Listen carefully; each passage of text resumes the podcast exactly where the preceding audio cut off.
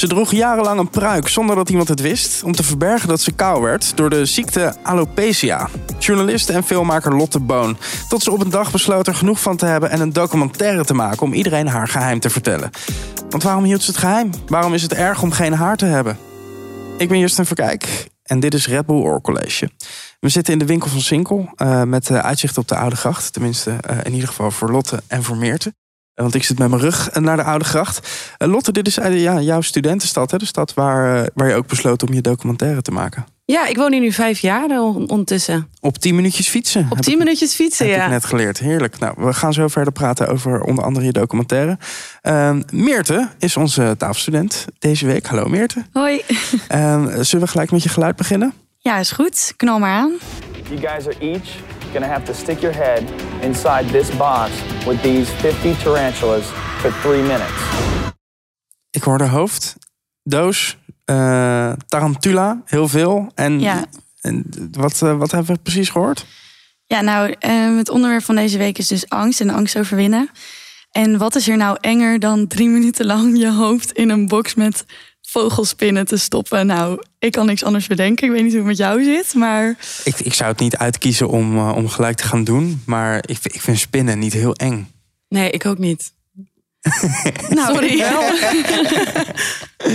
ik mocht het geluid kiezen. Dus ja, natuurlijk. Maar, maar heb je echt een, een spinnen? Ben je dan, uh, heb je arachnofobie? Want zo heet dat, hè, met een mooi woord. Nou, ik denk wel nadat ik dit filmpje heb gezien dat ik dat heb. Ja, want ik dit ben was, er wel achter gekomen. Je moet het even beeldend uh, maken. Het is dus een soort van aquariumachtig idee. Zonder Ja. water, met heel veel spinnen. Maar wat voor spinnen dan? Vogelspinnen? Ja, van die tarantula's. En Mm. die mensen moeten dus hun hoofd daarin steken en gewoon drie minuten blijven zitten. Terwijl die dingen over je wang kruipen, je ogen. Weet je wel dat je denkt, nou Je ogen? Als je ogen dicht hebt dan, denk ik. ja, ze kruipen gewoon overal. Kijk, ik zou het niet uitkiezen voor een zaterdagmiddag, maar het niet engste toch wat je kan bedenken. Voor jou wel. Ik denk als je je ogen dicht doet en je inbeeldt dat het, dat het een hele lieve diertje zijn, dat het op een gegeven moment gewoon zalig aanvoelt. Ja, een soort massage misschien wel. Nou, volgende week gaat Justin zijn hoofd in een box stoppen met vogelspinnen. Is goed. Je, je studeert psychologie. Eh, dus dan weet je ook misschien wel waarom we angstig zijn. Waar Ja, het vandaan komt. ik heb het even voor je voorbereid. Ehm, Tuurlijk. Ja, angst is dus een emotionele reactie die we hebben ehm, door iets wat onveilig of onzeker is. En ons lichaam die triggert dat gewoon. En het grappige is dat de meeste angsten eigenlijk komen vanuit de evolutietheorie. Dus we zijn bang voor dingen eh, die ervoor kunnen zorgen dat we doodgaan, bijvoorbeeld. Of dat ons lichaam beschadigt, zoals hoogtes, kleine ruimte, veel water bijvoorbeeld. Of angsten kun je ook aanleren door een slechte ervaring waarop je heel erg emotioneel reageert. En daardoor word je dan bang voor iets. En het beste om over je angst heen te komen is dus om jezelf bloot te stellen aan die angst. Dus bijvoorbeeld vogelspinnen, je hoofd in een box te steken. Ehm, ja, dus als je een angst hebt, is dus eigenlijk het beste om eh, dat te confronteren. Ja. Ja. Leuk dat je erover begint. Ik heb hier een, een eh, doosje met vogelspinnen meegenomen. Oh, Oké. Dat zou sick zijn, hè? Als ik die nu bij me had. Dat zou echt heel chill zijn. Nou, ik ben blij dat het een grapje is. Ja, en, en zijn er nog angsten verder naast die spinnen dan waar je graag vanaf zou willen? Ehm, misschien lichtelijk hoogtevrees heb ik wel een beetje. Dat je zo'n tinteling krijgt, weet je als je zo heel hoog bent. Ja, maar dat, de- iedereen die boven op een flatgebouw staat en naar beneden kijkt, voelt dat toch wel of niet? Ja, dat denk ik ook. Maar zou jij wel de dom op durven bijvoorbeeld? Ja, dat denk ik wel, als ik me goed vasthoud. Maar dat is gewoon op een trap, toch? Of, eh, Ja, maar het is wel hoog. Ja, oké. ja. Niet Maar meer naar beneden kijken, weet je wel. Dat je op het randje staat en dat je Ja. denkt, nee. over zo'n glazen brug heen Ja. lopen. Mhm. Ja, Maar dat vindt niemand leuk, denk ik. dat denk ik ook niet. Nee. Eh, Lotte, jij hebt al sinds je tweede alopecia, spreekt dat goed uit? Ja, alopecia. Ja. Alopecia. Eh, een ziekte waardoor je haar uitvalt. Eh, sinds je elfde draag je een pruik. En Ja. dat wist eigenlijk niemand. eh, totdat je twee jaar geleden, of Ja. was het afgelopen jaar? Afgelopen zomer kwam de film bij eh, NPO 3 Lab. Maar Ja. jaar, dus twee jaar geleden kwam die echt uit voor het eerst. Ja, Ja. een documentaire die je hebt gemaakt. Ik heb hem gisteren gekeken. Ik vond hem echt super mooi. Ja. Ja. nou fijn. Waarom ben je die gaan maken? Ehm, nou, ik studeerde journalistiek. En ehm, in het eerste jaar leerde ik Laude Verbrugge kennen... met wie ik ook uiteindelijk de documentaire heb gemaakt. En eh, er is een speciaal soort minor, dat heet Campus Doc. En daar mag je dus documentaires maken. En dan ga je ook lessen volgen in New York. En wij dachten natuurlijk als 18-jarige super vet. Dus wij hadden eigenlijk al heel snel bedacht... wij gaan dit samen doen. En toen was van, ja, wat is dan een vet verhaal? En toen was Louden, volgens mij kwam Louden ermee van... nou, je hebt toch echt eigenlijk een heel vet verhaal. En toen hebben we eigenlijk heel vroeg al besloten van...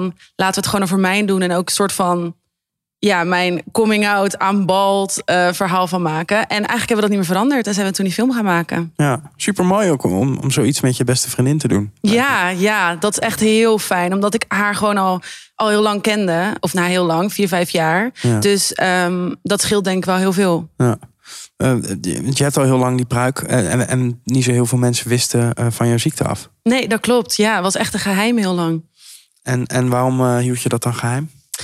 Uh, nou, ik was dus twee toen ik de diagnose kreeg, alopecia. Um, en ik had toen uh, wel kale plekken. Ik heb dus alopecia areata. Je hebt allemaal verschillende soorten vormen. Dus je hebt ook mensen die nergens haar hebben. Je hebt mensen bij wie hun haargrens optrekt. Dus je hebt ook vrouwen die dat hebben. Uh, je hebt allemaal verschillende soorten. En ik heb dus areata. Dus ik heb verschillende areas waar ik wel haar heb en Oh waar ja. niet. Um, en dus ik had altijd al van mijn tweede tot mijn elfde overal kale plekken. En ik was altijd al bezig om dat te verbergen, maar het ging nog wel. Uh, en op mijn elfde viel het zodanig uit dat nou ja, het er niet meer echt uitzag. Ja, dat is natuurlijk subjectief, maar dat vond ik toen. En toen heb ik dus besloten om een pruik te dragen. Uh, maar ik was echt elf, dus dat is niet echt een lekkere leeftijd om ja, daar dit mee te maken. Het is nooit een lekkere leeftijd om mee te maken natuurlijk. En ik, ja, ik denk dat ik me gewoon een beetje verschaamde en dat ik niet anders wilde zijn. En dat ik toen dacht, ik ga het gewoon niemand vertellen. Ja. Kijk wat er gebeurt. En op, op welke leeftijd uh, ging je dan uh, uit jezelf beginnen met het verbergen? Of is dat iets dat je, dat je ouders je hebben aangeleerd in het begin misschien? Um, nou, sowieso hebben mijn ouders dat niet aangeleerd. Dat niet, maar... Ja, maar ik dat weet ze jou een petje opzetten misschien als je ja, klein was? Ik weet niet meer zo heel goed hoe dat eigenlijk is gegaan. Ik denk dat ik... Um, ja, ik was best wel anders. Ik ben ook wel gepest vroeger. Ik was echt zo'n theatermeisje. Of nou, misschien nog steeds wel.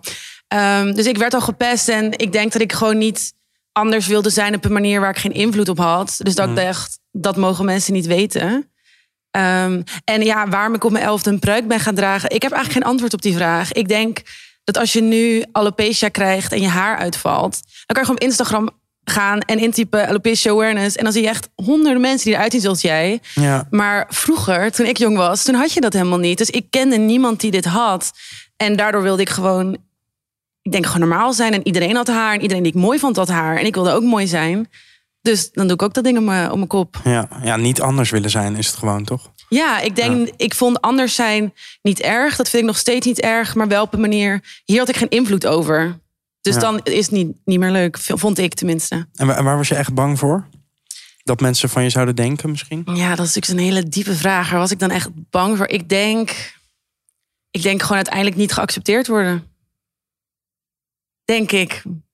En ja, gewoon dat anders zijn, dat, dat vond ik niks. Hmm. En uiteindelijk kwam die documentaire er uh, en wist iedereen er vanaf. Ja. Was dat een bevrijding?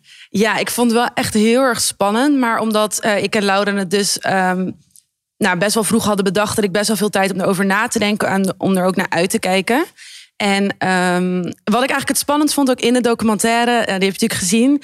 Uh, dan zit ik met Laura op de bank en dan ga ik op Instagram... Dat is de opening gelijk, toch? Ja, dat is de opening inderdaad. En dan ga ik het op Instagram zetten van... Hallo, ik ben Kou. Um, en ik vond dat echt zo... Als ik erover nadenk, je ziet het ook al... Maar ik word weer helemaal zenuwachtig. Ik vond het ja. zo eng. Um, omdat uh, toen ik in Utrecht ging wonen, toen was ik 18. Daarvoor was het echt een geheim. En toen ik hier ging wonen, ging ik het wel mensen vertellen. Maar het was niet dat ik het op Instagram zette. Of mm. dat ik op feestjes uh, het ging vertellen. En dat is natuurlijk ook bij uitstek de plek om je uh, ook mooier voor te doen. Dan dat ja. je bent voor veel mensen, 100 procent. Ja, als, als ik me niet, niet lekker voel, dan, dan ga ik, zet ik dat eigenlijk niet op Instagram. Nee, en als je twee foto's van jezelf maakt waarvan uh, je op één een beetje loenst, dan uh, zet je die er niet op. nee, natuurlijk. nee, nee. Nou, ik niet in ieder geval. Nee. nee ik denk niemand toch? Nee. Niemand expres. Uh, nee. Maar was het ook niet zo dat mensen het zagen of zo dan? Eh, nou ja, ik heb gewoon heel erg het geluk dat ehm, ik de mogelijkheden heb om best wel goede pruiken aan te schaffen. Dus mensen zien het eigenlijk nooit. Maar als je langer met mij omgaat, dan gaat het mensen wel vaak opvallen. Ik heb gewoon eh, vaak dat op een gegeven moment. Ik zat op theaterschool en er waren veel gay guys. En op een gegeven moment zeiden ze: Jij hebt nooit puistjes op jouw voorhoofd, jij hebt een pruik. En toen dacht ik: wow. Wow. Ja, en ook gewoon, eh, gewoon van, je hebt nooit een hoge staart in. Jij hebt een pruik. En toen dacht ik, ja, als je er echt op let, dan heb je het natuurlijk wel door. En ik had ook een vriendinnetje die zei, jouw pony zit altijd hetzelfde. Hij groeit nooit. En ik zo, ja, dat klopt, hij groeit inderdaad niet. Maar ehm, ik heb nog nooit gehad dat iemand Maar mij... vertel je het dan op zo'n moment? Is dat een moment om, om eh, op een kleine manier uit de kast te komen? Naar één iemand toe? Nou, vroeger, dus voor mijn 18 echt niet. Ik, ik, kon, ik kan echt heel goed liegen. Dat heb ik mezelf heel goed aangeleerd. Maar nu zeg ik altijd gewoon van... oh nee, het is nep. Ook laatste meisje. Oh, heb jij extensions? Zei ik, nee, ik heb gewoon een pruik. Ik heb geen haar. En dan staan die mensen altijd van... wat? En dan is het van, ja, Ja. dat. Maar je hebt niet ook veel andere pruiken of zo. Dat je de ene dag voor rood gaat en de andere dag voor krullen bijvoorbeeld. Ehm, ja, wat ik een beetje heb is... ik begon met pruiken, dragen, pruiken dragen omdat ik het wilde verbergen. Ehm, dus als ik elke dag een ander op zou zetten... dan, dan Ja. verberg je het niet. Dus dat is waarom ik het eerst niet deed. Wat het ook is, is dat pruiken zijn echt heel duur. Dus ja, ik heb die luxe niet om er vijf aan te Wat, schaffen wat per kost deze dan? Want je hebt nu echt een hele mooie eh, Dankjewel. eh, blonde. Ja, dit is Aziatisch echt haar. Eh, en het is natuurlijk ook best wel lang. Dus deze was ongeveer 4000 euro. Ja, dat is serious money. Ja, en dat is, je kan er ongeveer een jaar, anderhalf jaar mee, mee doen. Ik draag hem wel elke dag. Dus ik draag hem wel heel, heel intensief. Ja. Ja, dat vro- vroeg ik me dus af na, na het kijken van die documentaire. Ik dacht, nou, dit is misschien wel het soort van eh, liberation day voor jou. Eh, het moment dat daar twijfelde je ook over aan het eind. Hè? Ja. Eh, ga ik dan nu eh, kaal door het leven? Of, of ga ik echt iedere dag die pruik opzetten? Ja. En, en het is dus toch eh, iedere dag die pruik opzetten geworden, of niet? Ja, ja, het is voor mij. Ja, ik ben gewoon heel erg fan van doen waar je je goed bij voelt. Mm. Dus ehm, nadat de film kwam dus eerst uit, uit en toen was het nog achter een betaalmuur. Dus dat was nog een beetje veilig, omdat ja, niet iedereen heeft dan die 2 euro ervoor over.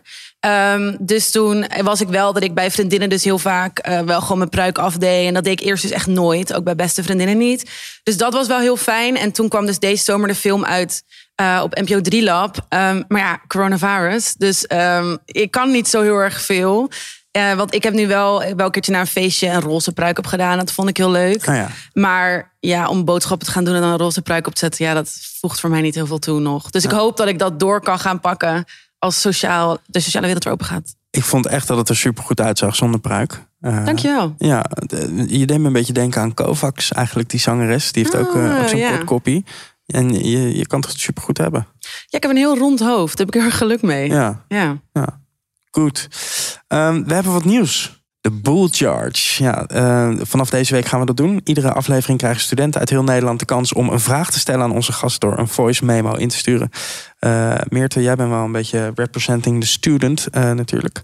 Eh, de, de master of the questions ben jij. Zullen we eerst even luisteren? Ik ben Bart, 19 jaar en studeer bedrijfseconomie aan Tilburg University. Wat ik wil weten is hoe gaat dat met daten? Krijg ik heel vaak die vraag. Ja? Ja? Ja, mensen willen dat altijd weten.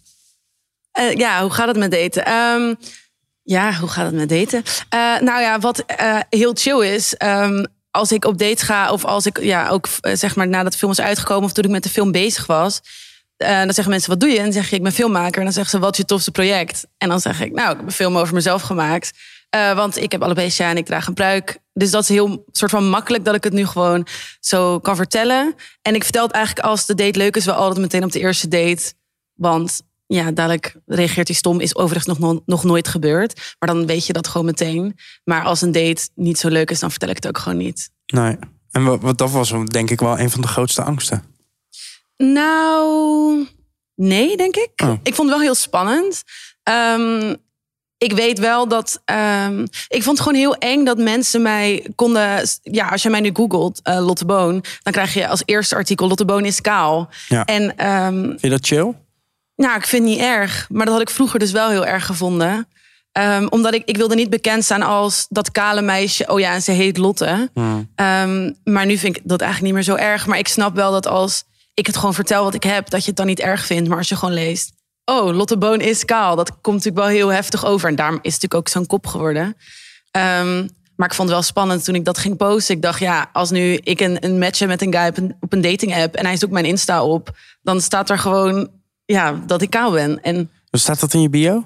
Nee, er staat dat ik een documentaire heb gemaakt. eh, en dat je met de link erbij, in mijn link in bio. Maar ik heb Ja. wel daarover gepost natuurlijk. Dus als je een beetje bio. goed gaat stalken. Ja, link in bio. Ja dan, eh, ja, dan kom je er snel genoeg achter. Ja. dat is ook wel fijn, toch? Dat je het niet gewoon eh, per se hoeft uit te leggen. Dat mensen het al weten of zo. Ja, ik vind het heel chill. Want het is gewoon mijn geheim niet meer. Heel lang heb ik het heel erg mijn geheim gemaakt. En dat deed ik dan waarschijnlijk ook wel zelf. Maar nu is het gewoon echt mijn geheim niet meer. Dus dat voelt heel erg als een bevrijding. Maar ik heb wel een keer gehad, toen had ik een date. En dus toen had hij dus de film gezien zonder dat ik het wist. En toen zaten we aan tafel en toen wilde hij de asbak wegleggen. En toen zei hij, oh, of rook jij? En toen zei ik, nee, ik heb astma. En toen zei hij, oh ja, dat weet ik. En ik zei, eh, ik dacht, hoe weet jij dat? Ik heb jij dat helemaal niet verteld. En toen zei hij van, oh ja, nee, niks, niks. Ik zeg, nee, hoe weet jij dat? Toen zei hij, oh ja, ja, ik heb toch wel even je film gekeken. Maar ik dacht, ik wist helemaal niet meer dat ik had gezegd dat ik astma had. Even ergens tussen neus en lippen door. Maar dat vond ik wel een beetje freaky. Ja. Ik Dus hij wist al helemaal wie hij was. Oh, leuk. Ja, Ja, gezellig hè? ja leuk. Welke kleur eh, puffer heb je? Oké, Ik heb paars en blauw. ik heb En een oranje. Oh, die heb ik ook gehad vroeger. Ja, Ja, lekker is die hè? ja heerlijk. Goed, eh, zijn er eh, veel dingen die jij niet deed door, door de pruik? Of, of eh, Ehm. door het ontbreken van het haar? Ehm, mm, even nadenken. Nou, het- ik heb zeg maar heel erg het geluk, ehm, of nou het geluk, ik hou echt niet van hitte. Ehm, ook voordat ik een pruik had niet, want een pruik en hitte gaan gewoon niet samen. Het is gewoon alsof je een soort muts draagt. Eh, dus ook als ik bijvoorbeeld aankom fietsen, dan zweet je gewoon. Maar dat, normaal gaat dat gewoon de lucht in. En bij mij blijft dat heel erg zitten. Dus dat is wel vervelend. Eh, dus je zou mij nooit op het strand zien liggen. Maar dat, ja, ik verbrand ook echt in drie seconden. Dus ja, dat ook niet. Maar dat is wel echt niet chill. Zoals de hittegolf afgelopen zomer. Dat is echt wel voor mensen met pruiken wel echt, echt heel kut. Ja, maar de zomer is ook wel een, een uitgelezen kans om eh, lekker even met dat bolletje in de wind te lopen, toch? Ja, maar ik, ik ben in Australië geweest, eh, t- tijd terug. En toen ben ik wel kou gewoon naar rond gaan lopen. Want het was echt achterlijk heet daar natuurlijk. Nou, ik, mijn hoofd is echt in twee seconden verbrand. Het sloeg Ja. helemaal nergens Ja, dan moet je dus een petje op. Ja, maar we gingen, dat deed ik dus ook. Maar ja, als je gaat zwemmen. Ja, ik had geen badmuts. En dan, eh, ja. Want hoe doe je dat dan met zwemmen? Doe je dan een badmuts eroverheen? Of... Nou ja, dat is dus het andere ding. Ik zwem dus eigenlijk nooit. Ehm, omdat het, ja, je kan wel zwemmen met een pruik, maar ik vind dat zelf niet chill. Mhm. Eh, maar ik heb ook best wel een slechte huid. Dus ja, van chloor en zo, daar gaat mijn huid gewoon slecht op. En toen ik een pruik kreeg, heb ik soort van besloten, ik ga niet meer zwemmen. Ehm, wat eigenlijk best wel stom is, maar ik mis het ook eigenlijk niet. Gewoon pootje baden. Ja, maar ik hou dus gewoon niet van eh, de hitte opzoeken. En dat doe je wel vaak als je gaat zwemmen. Ja. Dat is wel chill of zo, dat je daar dan ook niet van houdt. Nee, nee, daar heb ik echt wel geluk mee. Want ik denk als jij heel erg houdt van eh, zonnebaden en je hebt een pruik op je knar, ja, dat is echt niet te doen. Nee. Nee, dat lijkt me niet lekker. Is het ook echt niet. Ik vind dat ingewikkeld hoor, want als ik mijn koffer inpak, eh, ongeacht waar ik naartoe ga, eerst het zwembroekje erin, doe ik altijd. Ja, ik eerst zonnebrand. Ja, slim. Ja, Ja. die doe ik daarna dan eh, meestal. Ja, oké. ja. Kreeg, je, kreeg je veel reacties van andere mensen die, eh, die dezelfde ziekte hebben? Ja, echt overweldig, eh, overweldigend veel. Ehm, ook ja, omdat ik dus al. De alopecia vereniging heeft ons ook wel geholpen met de film. En ik ben ook ja, gewoon daar lid van. Dus ik kende wel veel mensen met alopecia. En er zit ook natuurlijk Veronique in, die heeft ook alopecia. Dus haar kende ik ook al. Maar ja, er zitten natuurlijk ook heel veel mensen met alopecia die ik niet kende. En ik heb echt heel veel berichtjes gehad van mensen die. De film hadden gezien en die zeiden: Ik heb nu eindelijk mijn haar durven af te scheren door de film. Of ehm, ik heb nu eindelijk aan mijn familie durven laten zien. Of ook, ik hoorde ook van meerdere mensen dat ze, eh, als ze uit proberen te leggen wat ze hebben, dat ze dan onze film sturen. Om een soort van als uitleg van: Dit is wat ik heb. Ja. En dan kan je even deze film kijken als uitleg. Het was eigenlijk fijn geweest als die film er al was voor jouzelf. Ja, ja. Dat had mij heel erg geholpen, denk ik. Wat zou je dan zeggen nu tegen, tegen dat jonge meisje die, eh, die mega struggelt? Get some therapy. Ja? ja. Heb je dat ook gehad? Ja, maar eh, wel pas toen ik eh, ja, 19 was. Dus eigenlijk had ik dat eerder moeten doen. Maar ik was daar toen gewoon nog niet klaar voor, denk ik. En hoe heeft dat je geholpen dan? Door gewoon praten met een vreemde? Ja, ik denk gewoon met ehm, iemand praten die gewoon objectief is. En die heeft toch weer andere kijk op dingen. Ehm, en dat is denk ik toch beter voor je verwerking dan met vrienden praten. Want die zeggen denk ik toch wel vaak wat je wil horen. Ja, Wat wilde je horen dan? ja weet ik niet. Maar het heeft wel You're geholpen. beautiful. Nee, nee, maar dat, dat, dat vind ik... Ja, dat klinkt stom, maar dat vind ik ondertussen ook wel. Maar ehm, ik denk dat ik mij heel lang heel vaak, dat zei mijn moeder ook, ik heb mij heel vaak niet gehuild en heel groot gehouden. Ehm, dus ik heb denk ik dat vooral heel veel kunnen doen in therapie en daardoor het beter Ja. kunnen verwerken. Een soort olifantenhuid gekweekt. Ja, eigenlijk wel. Want als ik ook in die docu... eh, heb ik het idee dat je moeder er meer moeite mee heeft dan jij. Hoe het, hoe het Ja. op me overkwam. Maar ja, goed, dat zijn de, de momenten die gefilmd zijn natuurlijk. Ik weet niet, misschien huil jij jezelf in slaap iedere avond. En wat ik Nee, niet zie. nee, nee, nee. Ja, ja, ik denk dat het heel lastig is om jouw kind, ehm, als jouw kind zoiets krijgt. En ja, ik weet ik heb zelf geen kinderen, dus ik weet niet hoe dat is. Maar ehm, ja, ik kan dan niet zeggen of zij dat erger vindt dan ik. Maar ze vindt wel, ze vindt wel natuurlijk echt heel naar dat ik dat heb. Ja. Misschien ook wel voor jou, omdat je dan je zo onzeker daarover hebt gevoeld en bent gepest vroeger. Dat is natuurlijk voor haar ook heel moeilijk om dat te zien als dat je eigen dochter is. Ja, en mijn moeder is ook echt mijn beste vriendin. Wij zijn echt heel erg close. En ook met mijn, met mijn vader en mijn zus. Dus wij hebben ook altijd gewoon heel nauw contact gehad. En ja, wij zijn gewoon heel close. Dus dan maak je ook alles van heel dichtbij mee. Zal ze ook wel trots op je zijn als ze dit eh, nu ziet. sowieso. sowieso. Zijn er eigenlijk medicijnen voor? Of tegen? Ehm, nou, er zijn wel dingen die je kan doen, maar eh, ik, ik doe niks. Ik probeer niks. Als kind hebben mijn ouders wel eens wat geprobeerd. Eh, maar er zijn bepaalde dingen waarvan je niet weet eh, wat de long-term effect zijn. Dus dat vonden mijn ouders het niet echt waard. En je hebt ook wel bepaalde crèmes volgens mij. Ja, misschien is het allemaal nu wel weer anders. Maar ja, ik heb ook best wel slechte huid, dus dat werkte allemaal niet zo goed. Ehm, maar het probleem is natuurlijk, het is een auto-immuunziekte. Dus eigenlijk moet je die auto-immuunziekte oplossen. En voor zover ik weet is dat nog niet gelukt. Hm. Anders had ik waarschijnlijk wel al die medicatie gehad. Ja. Ja, en je hebt het dus sinds je tweede. En op, op welke leeftijd had je dan... Kreeg je door dat je, dat je anders was? Dan de andere kindjes? Dat je haar anders was dan andere kindjes? Zo. Ja, ik denk dat, zeg maar, op het moment zelf voelde ik me eigenlijk niet anders. Want ik heb een zus en zij is lichamelijk gewoon helemaal gezond. Maar ik heb me echt nooit anders gevoeld dan haar. Dat hebben mijn ouders echt top gedaan in de opvoeding. Want ik, had nooit, ik was ook nooit jaloers op haar of zo. En als ik nu natuurlijk terugkijk, dan denk ik van... nou ja, ik was wel anders. Maar zo heb ik dat echt niet ervaren. Dat was echt pas 10, 11, toen het haar begon uit te vallen. En dat je denkt, shit, weet je wel. Dat is bij anderen niet. Ja, en, en, en was dat ook gelijk het moment dat de mensen er op school... eh, wa- wat over gingen zeggen? Of, of, of pesten? Of... Kinderen zijn meedogenloos natuurlijk. Ja, maar echt. Ehm, nou, het ging, dat pesten ging niet per se over mijn haar. Uiteindelijk is wel eens mijn pet afgetrokken eh, toen ik kale plekken had. En toen had, was een hele la- lange jongen. En die had de pet toen op een kast gegooid waar ik niet bij kon.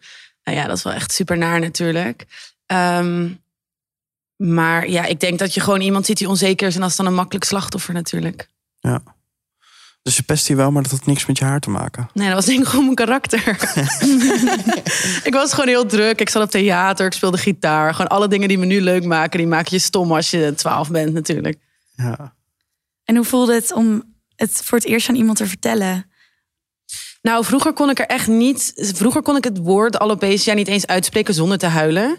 Ook al was ik dan niet eens verdrietig, dan vond ik het helemaal niet erg, maar dan moest ik wel huilen.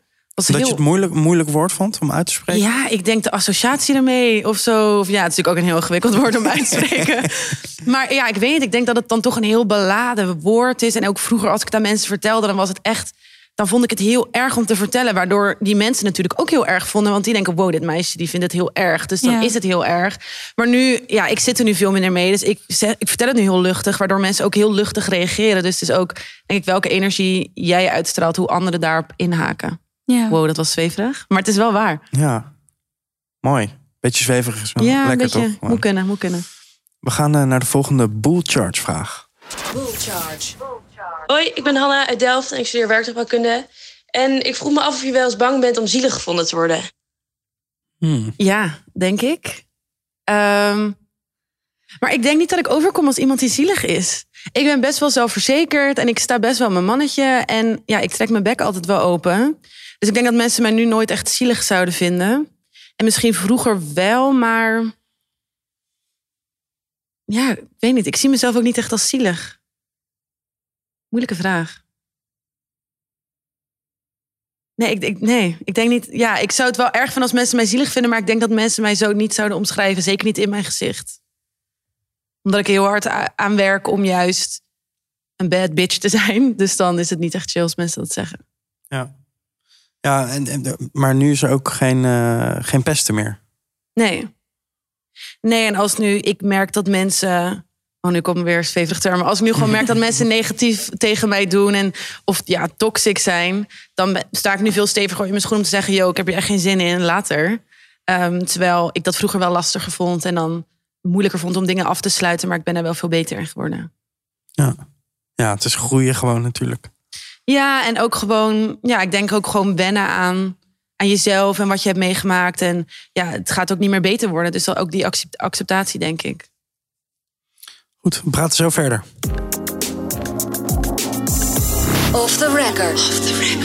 Iedere week gaat een student voor ons het land in. En deze week ging Willemijn haar grens verleggen op het gebied van eten bij foodtruck Bugs. Dat klinkt kriebelig. We gaan even luisteren. Oké, deze week gaan we grenzen verleggen, over angst heen stappen, nieuwe dingen proberen die misschien een beetje spannend zijn. Ik ga dat doen met eten. Daarom ga ik vandaag naar foodtruck en cateringbedrijf Bugs. Ja, op dit moment wandel ik dus naar Bugs. En ja, de naam zegt het al een beetje. Insecten en beestjes. Nou, ik weet niet zo goed wat ik ervan moet vinden. Ehm, ik hoop gewoon heel erg dat het geen levende insecten zijn die ik ga eten. Helemaal goed naar. Zo, vier trappen omhoog. Hi. Hi, Ah, Zo helemaal. helemaal bij het ademen ben ik. Ja. Zo. Nou, ik zit hier op het moment met Patrick. Wat is Bugs eigenlijk? Bux is een eh, bedrijf die eh, eten maakt met insecten.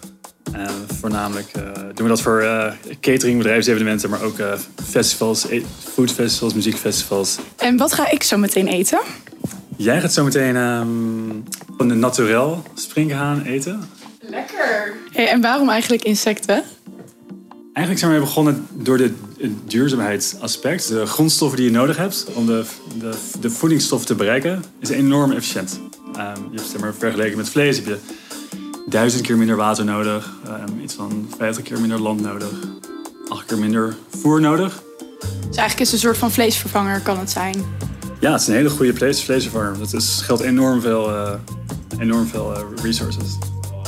Gaan we springen aan, hoor, jongens.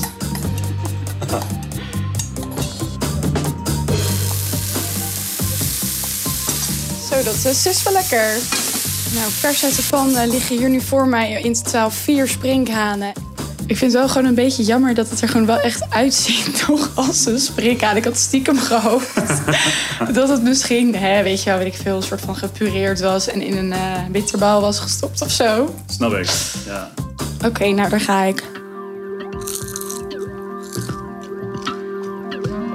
Het is best wel zout, maar het smaakt een beetje naar. Ik weet niet, het is niet echt te vergelijken met iets of zo.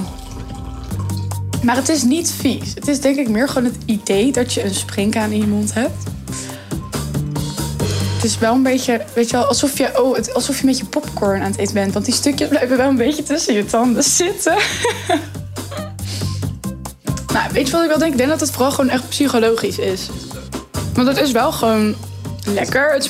En Patrick, zou je nou zeggen dat het eten van insecten een angst is om te overwinnen? Ik denk voor heel veel mensen eh, wel. Ja, ik denk dat het een heel groot eh, stigma op zich heeft. Wat eh, voor veel mensen een, eh, een horde is om er even overheen te komen. Voordeel is wel, als ze het proberen, meestal vinden ze het meestal wel lekker. Nou, ik vond het ook wel lekker, dus eh, nou leuk. Nou, ik heb weer een nieuwe ervaring die ik op mijn lijstje erbij kan zetten. Want die springkaan en die burger, dat was me wat. Gelukkig viel op me alles mee. Ik heb er iets gedaan wat ik niet zo snel zou doen. Doei! Hoeveel mensen hebben deze ziekte eigenlijk in Nederland? Ja, dat weet ik eigenlijk niet. Maar je zit bij de vereniging toch? Of niet, niet meer? Ja, nog steeds. club. Nog steeds eh, eh, lid. Ehm, In, in alle opzichten? ja, in alle opzichten. Ontgroening gelopen, alles. Ja, was eh, super lid toen ik twee was. Maar ehm, eh, ja, weet ik eigenlijk niet. Er wordt er niet zoveel onderzoek naar gedaan. Dus ehm, er zijn vast wel getallen, maar ik zou ze niet... eh, Want ik, ik ken iemand die het heeft. Jij zei ook dat je iemand kende die het Ja. heeft. Dus eh, iedereen kent wel iemand. ja, ik ken ook iemand die het heeft. Meerdere, ja. Het was wel grappig. Nou, tenminste grappig. Ik had het eigenlijk nooit door bij die jongen dat hij een pruik op had. Eh, met terugwerkende kracht. Eh, als ik nu naar hem kijk, denk ik, ja, je hebt ook helemaal geen wenkbrauwen en geen wimpers. Dus... Mhm. En ik dacht wel altijd, apart kapsel. heeft deze jongen. Ja, ja, ja. Heel apart kapsel. Ja. Maar ik dacht, misschien is, het een, is het een stijldingetje. Dat kan. Je weet het niet, het kan. Een beetje touwerig was het. Maar toen deed hij hem af en toen dacht ik, ah, natuurlijk. De, Ja, ja. een soort van aha-momentje. Mhm. Maar eh, ja, die had ook echt zo'n een, een outcoming op, of een uit de kast eh, op, op Instagram. En hoe was dat? Of weet je dat niet? Ah, hij kreeg super veel likes en, en iedereen support hem. En nu is hij gewoon bald all the way. Hij gaat, hij gaat er gewoon voor. Nooit meer, nooit meer die marmot op zijn hoofd. Het was wel echt een, echt een mar- Ja. marmot. Ja, nee, dat kan ik rustig zeggen. Ja, maar het, ook- het is ook gewoon vervelend. Want eh, sommige mensen hebben ook gewoon ja, niet de funds om een mooie te kopen. Mhm. En dat ja, is echt dat, dat vervelend. had, hij, had hij dus wel. Oh, oké. Ik zit nog voor hem op te komen. niet zo mooi. Nee, maar misschien is het gewoon een stijldingetje dat jij wil. Nee, tuurlijk. Ja. Of misschien had hij hem al heel... ah, nee, want je hebt zo'n ding maar een jaar. Ja, misschien de, je kan er langer mee doen, maar dan ziet het Ja, er gewoon misschien minder was mooi dat uit. het. Dat, eh, dat was. Ja. Hij was gewoon volwassen. Ja. Want moet je hem eigenlijk wassen? Ja, ja. Eén keer in de twee weken of zo. Maar hoe? Gewoon, eh, doe je dat dan onder de douche? Wel een soort van een traditionele manier Nee. met shampoo en zingen erbij? Nee, het echt met, met, met een. Ik zou ook niet weten hoe je normaal haar zou moeten wassen. Ik was er laatst over na denken. Ik zou het echt niet meer weten. Nee, ehm, eh, ja, je hebt een soort kop waar je hem op zet. Heb je vast wel eens gezien. Mm. Zo'n piepschuime kop. En daar eh, prik je hem dan in vast met naalden. En dan doe je daar gewoon shampoo in en conditioner. En, ja, ik doe het gewoon onder de kraan. Je kan het vast ook onder de douche doen. Ja. Ehm, maar ik niet. Heb je ook speciale shampoo? Of Ja. heb je gewoon... Nee, het is wel speciaal echt pruikshampoo. Ik had een keer die van mijn moeder gebruikt. En dat, dat werkt niet. Nee? Nee. Wat gebeurt er dan? Ja, nou dan wordt het gewoon of veel droger of veel vettiger. Of het gaat heel erg klitten. Mm. Ja, it's a fine line. Ja. Ik heb een keer mijn haar gedoneerd, ehm, Oh. afgeknipt. Dus dat vind ik ook een heel raar idee dat iemand met mijn haar rondwandelt. Ja. Zeg maar, misschien zit mijn haar wel in jouw pruik. Nou, dit is? Aziatisch. En jij, bent, jij hebt Europees haar, dus Oh. waarschijnlijk niet. Maar zou kunnen. Is dat dan weer heel gewild in Azië? Of? Nee, Aziatisch haar is goedkoper over het algemeen, zover Hmm. ik weet. Ehm, eh, en het is wat stugger en zeker bij mij is het natuurlijk heel erg geblondeerd. Ehm, en Europees haar is veel zachter. En Oh. ook minder mensen doneren dat, denk ik. Misschien zeg ik nu dingen die niet waar zijn, maar volgens mij... eh, waardoor het ook een soort van zeldzamer en dus duurder is. Ja, toch kan ik alle luisteraars een tip geven, want het is een gratis knipbeurt. Oh, ja. Oh, dat is een goeie, ja. Ja, maar de kappers zijn dicht, dus dat wordt wel lastig. Ja, maar nu kan iedereen dus laten aangroeien. En dan moet je Oh. zoveel centimeter hebben. En dan gaat het zo in een vlechtje. En dan is het, ben je er klaar voor? En dan zeg je ja. 3, 2, 1. Dan is het tjak. En dan leggen ze zo die vlecht neer van... Kijk, dit is hem. En dan denk je, oh mijn god. Voelde het therapeutisch? Ehm, nou, ik was nog best wel heel jong. Ik zat denk ik in de tweede klas of zo. Ik, het voelde wel goed of zo. Want daarna krijg je ook een brief van haar wensen. Van je pruik wordt verwerkt. Of ja, haar wordt verwerkt in een pruik. En dan denk je wel, wauw, ik heb iets goeds gedaan. Ja. Tenminste, dat had ik wel heel Ja. erg. Ja, volgens mij kinderen onder de 18 met alopecia kunnen daar een pruik. eh, Mooi. ja. Mooi En daar idee. had je niet eens in de gaten dat je het daarvoor aan het doen was eigenlijk op dat moment. Nee, ja, wel voor het pruikenfonds. Maar dan ga je natuurlijk heel erg vanuit dat het voor mensen is Met die, kanker, Ja, ja. die ziek zijn Ja. en die geen haar meer daardoor hebben. Maar ja, je vergeet dat er ook andere mensen zijn dus zonder haar die ook een Ja. pruik Nou ja, dit nodig is, het is ook een ziekte, toch? Het is een auto-immuun eh, ziekte. Ziekte, ja. Ja, maar laten we het niet vergelijken met kanker. Nee. Eh, Nee. Heb je het Maar- idee dat het ook een beetje een vergeten ziekte is? Of dat niet? Ehm, ja, ik denk het wel. Want ehm, vaak koppelen mensen, zeker bij vrouwen, bij mannen misschien ook wel, maar daar kan ik minder over zeggen. Bij vrouwen koppelen mensen wel echt vaak kaalheid aan kanker. En mensen dachten ook wel echt vaak dat ik kanker had. En ehm, ik, heb ook, ik ken ook meiden met alopecia ehm, die dan zonder pruik ergens liepen. En dat dan mensen naar ze toe kwamen van, eh, ja, heel veel sterkte. Hè? En dat ze waren Jeetje. van, met wat? Zo. Ja, en het is natuurlijk heel lief bedoeld, maar het is gewoon heel negatief om te denken dat iedereen die kaal is kanker heeft. Want dat, gelukkig is dat niet zo. Mhm. Ehm, en daardoor wordt denk ik kaalheid ook heel erg geassocieerd met echt, echt heel ziek zijn en doodgaan. Terwijl ik kan met deze kale kop gewoon oud worden als ik, als dat, ja, als ik daar het geluk mee heb. Ja. Terwijl als je kanker hebt, dat de kans kleiner is. Mhm.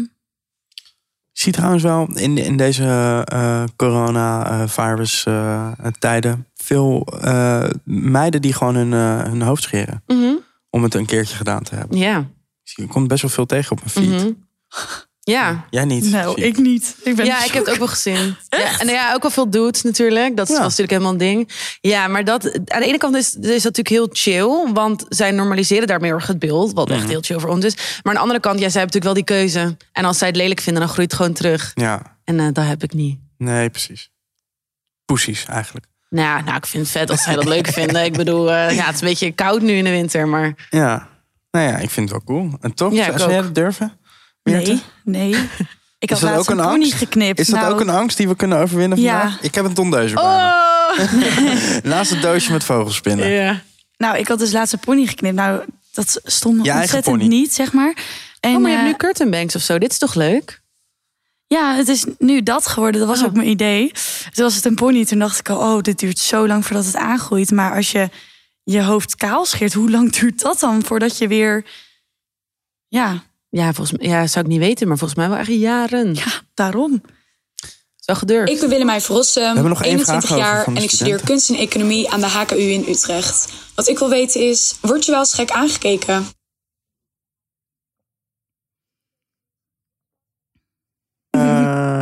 Omdat ik dacht dat het echt een, om een soort van bevrijding ging. Ik ben nu uit de kast, ik ben zo, ik ga dit nu eh, doen. Ja, het tegenvallen is niet het goede woord, maar ik, ik had in ieder geval gehoopt Gehoopt. voor ja, jou dat je het lekker zou vinden zonder Ja. naar buiten te gaan. Nou, ik denk dat het. ehm de, dat proces van zonder pruik, daar een soort van misschien afkicken van je pruik. Of nou, het hoeft niet eens afkicken te zijn, maar dat je hem steeds minder gaat dragen. Dat dat ehm, best wel een proces is. En ik wil mezelf niet forceren om, om dingen te doen waar ik me niet chill bij voelde of voel. Ehm, dus die avond was wel echt een hele toffe ervaring. Maar dat nu iedereen het weet, vind ik een hele chille eerste stap. Ehm, en ja, ik denk niet dat ik heel mijn leven een pruik zou dragen. Dus ik denk uiteindelijk dat die ook wel afgaat. Ehm, maar er hangt heel erg een beeld rond mensen met alopecia... dat je pas echt het bereikt hebt als je dus je pruik weggooit en zegt later Ja. kater. Terwijl ik vind dat super stom, want ik denk... ehm, er zijn ook mensen die altijd een pruik blijven dragen. En ik vind die mensen niet minder cool dan, dan mensen die geen pruik dragen. Ja, best wel een raar idee of zo. Want als jij graag een pruik op wil, waarom? Net als make-up dragen. Alsof je dan kan zeggen, je bent pas een vol persoon als jij make-uploos door het leven gaat. Ja, of dat je zegt, eh, alle vrouwen zijn pas tof als ze allemaal een haar afscheren. Ja. Ehm, dus ja, ik, ik, ik, ik, denk dus ook dat ik niet heel mijn leven een pruik zou dragen. Maar ik denk, eh, ik voel me er nu gewoon nog chill bij. En ik heb gewoon geen zin om altijd nagekeken te worden op straat. Dus ik vind dat een probleem voor toekomst, Lotte. Ja, oké. Ja, Want in, in, ze mag het oplossen. in die documentaire is dat ook, eh, hoorde ik jou zeggen, ja, eh, oh, daar kijkt nu een guy naar me. En ik weet nou niet of hij naar me kijkt omdat hij me aantrekkelijk vindt. Of Ja. omdat hij denkt, oh my god, ze heeft iets. Ja, dat is raar. Ja. Is, was dat dan gek aankijken? Nee, maar ik had ook een cameraploeg om me heen. Oh, ja, dus ja. ehm, Ze dachten allemaal, dit is gewoon een of andere rockster. Ja, ze dachten, Ja. who's that celebrity? nee, ja, het- ik denk dat dat ook zeker wel heel erg, heel erg wennen wordt... eh, als ik ooit weer zonder pruik ga. Omdat, ja, again, gewoon opvallen om iets waar je geen controle over hebt... is gewoon niet chill. Hmm. Ehm, maar ik denk als ik dat eenmaal helemaal heb geaccepteerd... dat ik het misschien wel leuk vind. Dat ik me, dan ben ik de, de kale filmmaker. Ja, Dat is ook wel best wel een brand. ja zeker.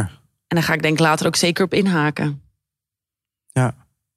En, en met zingen, doe, doe je, ben je dat nog veel aan het doen? Dat zag ik ook voorbij Ja, komen. dat klopt. Komt er een remix van Ik wil seks met die kale? Oh, oh ja. Heel, als dat kan, eh, hit me up. Echt, als dat nummer opkomt, mijn vriendin en ik, we gaan helemaal los. En iedereen denkt echt, wat gebeurt hier? Ja, ik wil dat wel echt... Oh, nu je het zegt, dit staat wel echt op mijn, eh, op mijn to-do-lijst. Bovenaan je to-do-lijst. Ja, maar Ja. echt. Oh, dat is echt een goeie. Wow, er, gaan nu al, er gebeuren allemaal dingen in mijn hoofd met hoe ik dit ga realiseren. Goed idee. Ehm, nee, ja, ik ben niet. ehm, ik vond zingen altijd heel leuk, maar ik wist ook wel, ik ben er niet goed genoeg in om echt eh, de nieuwe, weet ik veel, Billie Eilish te worden. Hmm. Dus ik doe het nog wel voor de lol, maar niet. eh, ja, niet. Ja, echt. Laten we het even over de voordelen hebben. Ja. Eh, want je hebt geen beenhaar. Ik heb geen beenhaar. Dat is chill, toch? Ik heb super zachte benen. Zijn er meer voordelen? Ehm, nou, het, wat dus wel zo is, zoals ik ging eh, naar een feestje met een roze pruik. ehm, dat ga- gaat echt veel makkelijker, want het zit ook veel mooier. En iedereen dacht ook dat het mijn echte haar was. Omdat natuurlijk als jij je lange haar in een staart of een knot moet doen... en daar een pruik overheen moet trekken... dat ziet natuurlijk nooit zo mooi uit. En verder... Ja, ik denk dat het me ook wel een veel sterker en weerbaarder persoon heeft gemaakt... door zoiets zo jong mee te maken. Waardoor ik denk ik ook andere mensen sneller kan begrijpen... als ze iets moeilijks meemaken, been there. Ja. Is het moeilijk om, eh, om een eh, pruik uit te kiezen? Heb je, heb je verschillende modellen gehad? Nee, ik heb eigenlijk altijd hetzelfde gehad. Heel mijn familie, of nou ja, een groot gedeelte van mijn familie is allemaal blond. Mijn zus is blond, mijn vader is blond, mijn moeder is blond. Ik was blond. Dus dat wilde ik altijd, maar ik kon altijd alleen kort haar, omdat uh, nou, ik dus van die kale plekken had. Dus toen ik een pruik kreeg, toen zei ik, ik wil lang haar. Dit is per se wat ik wil. En in die fase ben ik een beetje blijven hangen. Uh, maar het uitzoeken, ja, die eerste keer is het wel heel lastig, maar ik weet nu gewoon goed wat ik wil.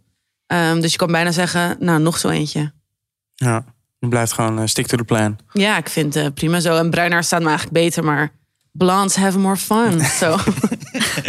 ja, je zou ook voor allebei kunnen gaan natuurlijk. Ja, als jij de ander betaalt. Ja. Ja, en voor crowdfunden gewoon. Eigenlijk zou dit, zou, waarom, waarom wordt dit niet vergoed?